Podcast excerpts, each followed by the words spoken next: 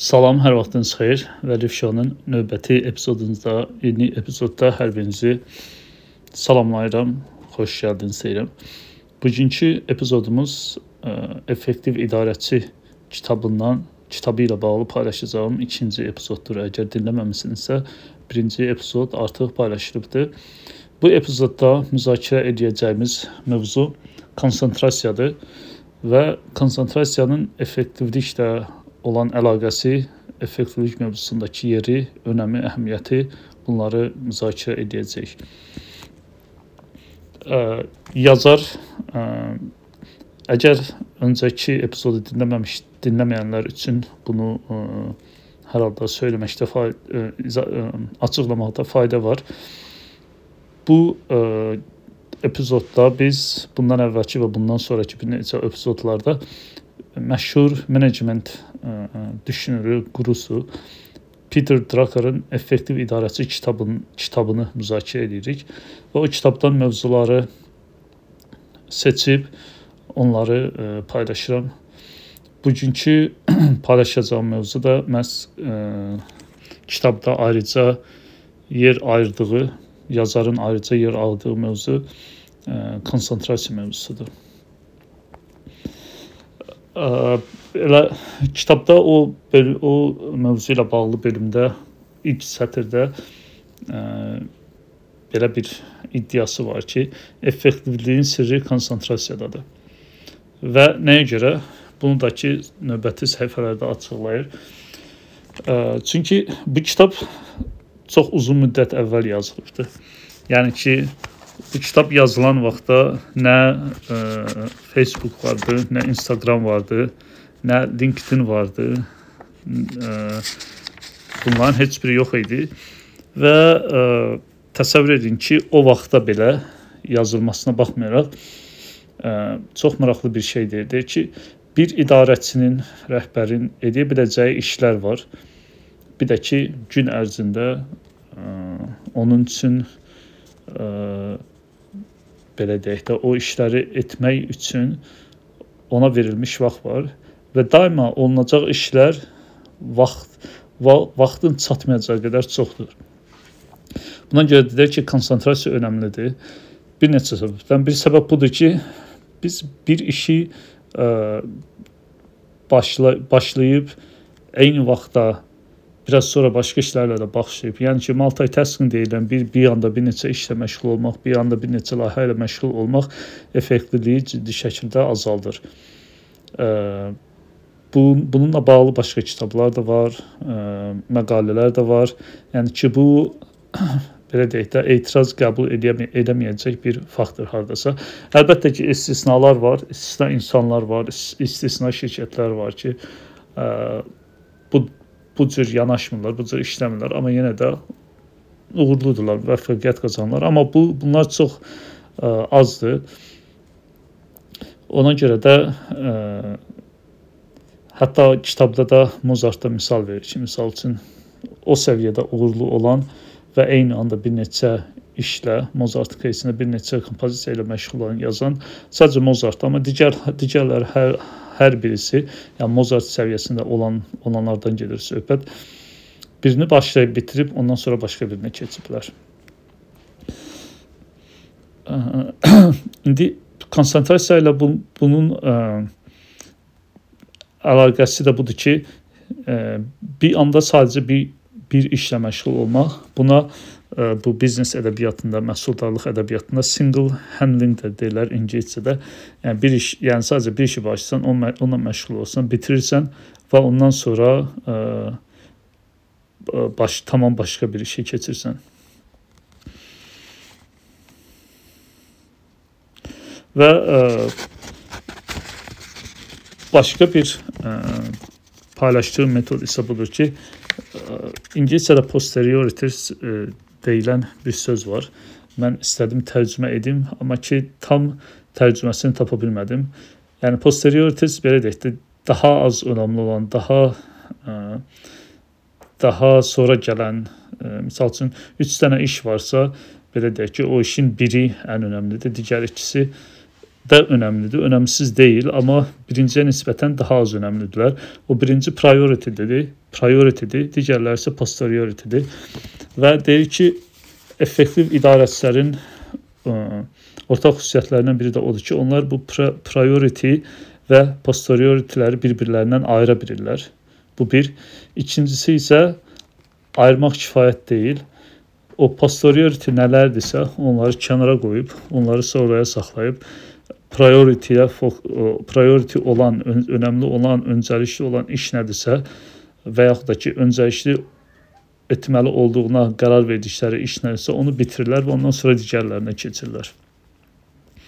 Bunu edə bilməyənlər isə çox məşğul olurlar. Baxmayaraq ki, daha hətta daha çox məşğul olurlar, daha stressli olurlar və ə, nəticədə isə ə,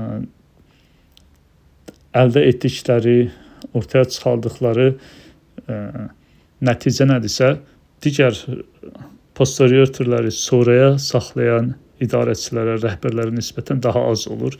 Daha çəkisi ağır olur, daha daha ə, e, önəm önəmsiz olur. Ə, e, bundan sonra başqa bir önəmli ə, yanaşma isə budur ki, ek, əkiz xəstəliklər dediyi Peter Drucker'ın eşsiz xəstəliklər dediyi bir şey var.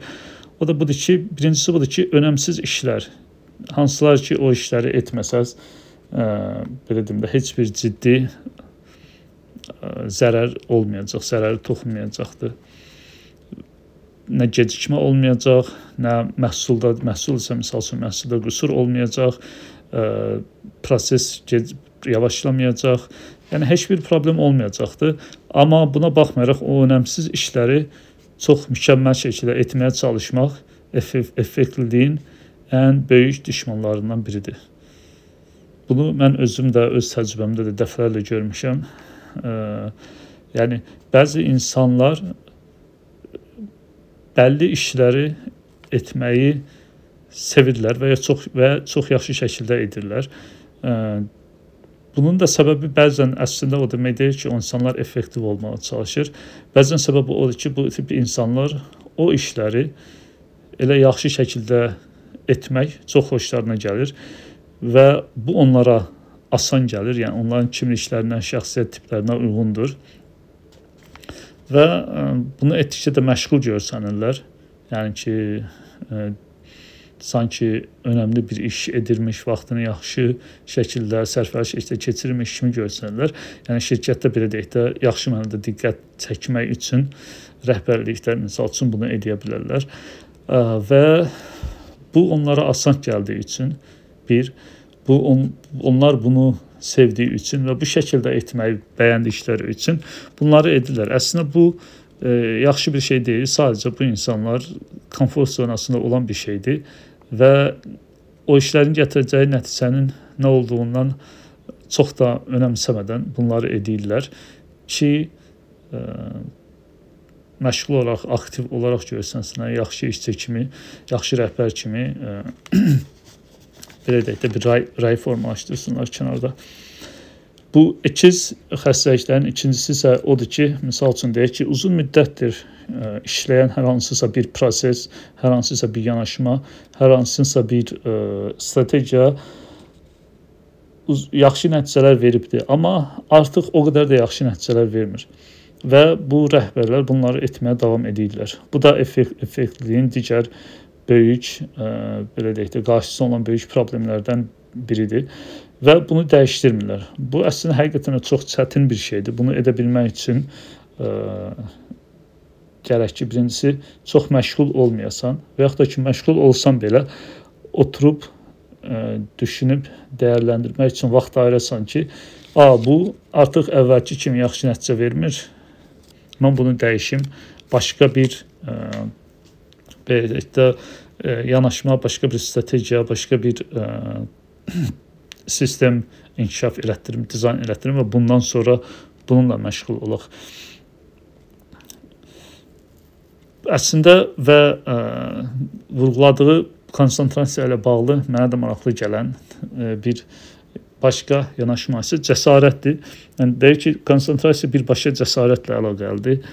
E, Nəyə görə? Çünki prioritet seçmək problem deyil. Hər kəs prioritet seçə bilər və bunu yaza da bilir, deyə də bilir, haqqında danışa da bilir və post, posterior ancaq bunu yazmaq, danışmaq sadəcə ilkin ə, belə deyək də ə, ilkin mərhələdir, introduction, girişdir. Ə, və asandır. Heç yazmamaqdan yaxşıdır, amma kifayət deyil. Önəmli olan o cəsarət lazımdır ki, yox deyə bilmək. Yəni ki, maraqlı gələn, asan gələn, həyəcanlı gələn ə, və əslində isə edildikdə ciddi bir ə, nəticə verməyəcək. Bütün təkliflər, yeniliklər, ə, bunların hamısına yox deyə bilmək, yəni o yox deyə bilmə cəsarətini göstərmək və prioritet nədirsə ona fokuslanmaq, onunla məşğul olmaq və onu bitirməyə, onu tamamlamağa çalışmaqdır. Bir də başqa son ə, mənə maraqlı gələn və vurğulamaq istədiyim bir yanaşma da budur ki, bu bu mövzu ilə bu ə, ə, bölümlə bağlı. O da yeni imkanlar, yeni imkanlar imkanları dəyər, dəyərləndirə bilmə, yeni fürsətlər fürsətləri dəyərləndirə bilmə və bundan faydalana bilmə bacarığı. Burada da yenə yazar bunu cəsarətlə əl əlaqələndirir. Ə, və deyir ki, misal üçün Einstein-lə misal gətirir və onu digər başqa elm adamları ilə müzakirə edir. Deyir ki, yəni Einstein maraqlı deyildi ki, hər hansısa bir ə, haqqında danışacaq, bir ə, məsəl üçün bir araşdırma eləsin, bir məqalə nəşr etsin. Xeyr, o fürsətə ə, odaqlı, fürsətə kökləndi və ə, belə deyək də bunun uğurlu olmaya da bilərdi, amma o cəsarəti göstərdi, o riski aldı, onun arxasınca getdi və buna görə də hələ də onun haqqında danışılır, onun nəzəriyyəsi haqqında danışılır və bu bir cığır açısı, bir yenilik gətirdi. Və şirkətlər də ə, e, iki cürdür. Bir innovasiyaya, yeniliyə fokuslanan şirkətlər, bir də digəri məsəl üçün deyək ki, məh, e, hazırda var, ola, var olan məhsul xəttinənsə o xəttə yeni bir məhsul ə, e, çıxarmaq bazara və bu birincilər ikincilərə nisbətən daima daha çox ə, böyüyür, daha sürətlə böyüyür və daha yaxşı belə deyək də nəticələr əldə edir. Ə,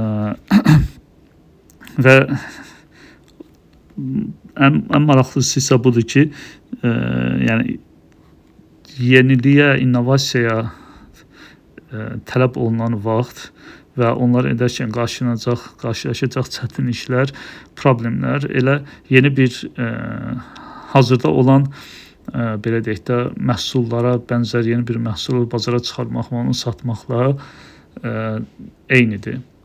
Burada mən biraz ə, tam razılaşa bilmirəm. Sanki hə, ə, yəni o qədər də deyil. Ə, amma yazarın fikirlərinə də hörmət edirəm. Əlbəttə ki, ə, mənim təcrübəm, mənim bildiyim, mənim savadım ə, bunu belə deyək də tam %100 deyək ki, mən etiraz edirəm və səhvdir deyə biləcək səviyyədə deyil. Ə, deyilsə bir həqiqət də var.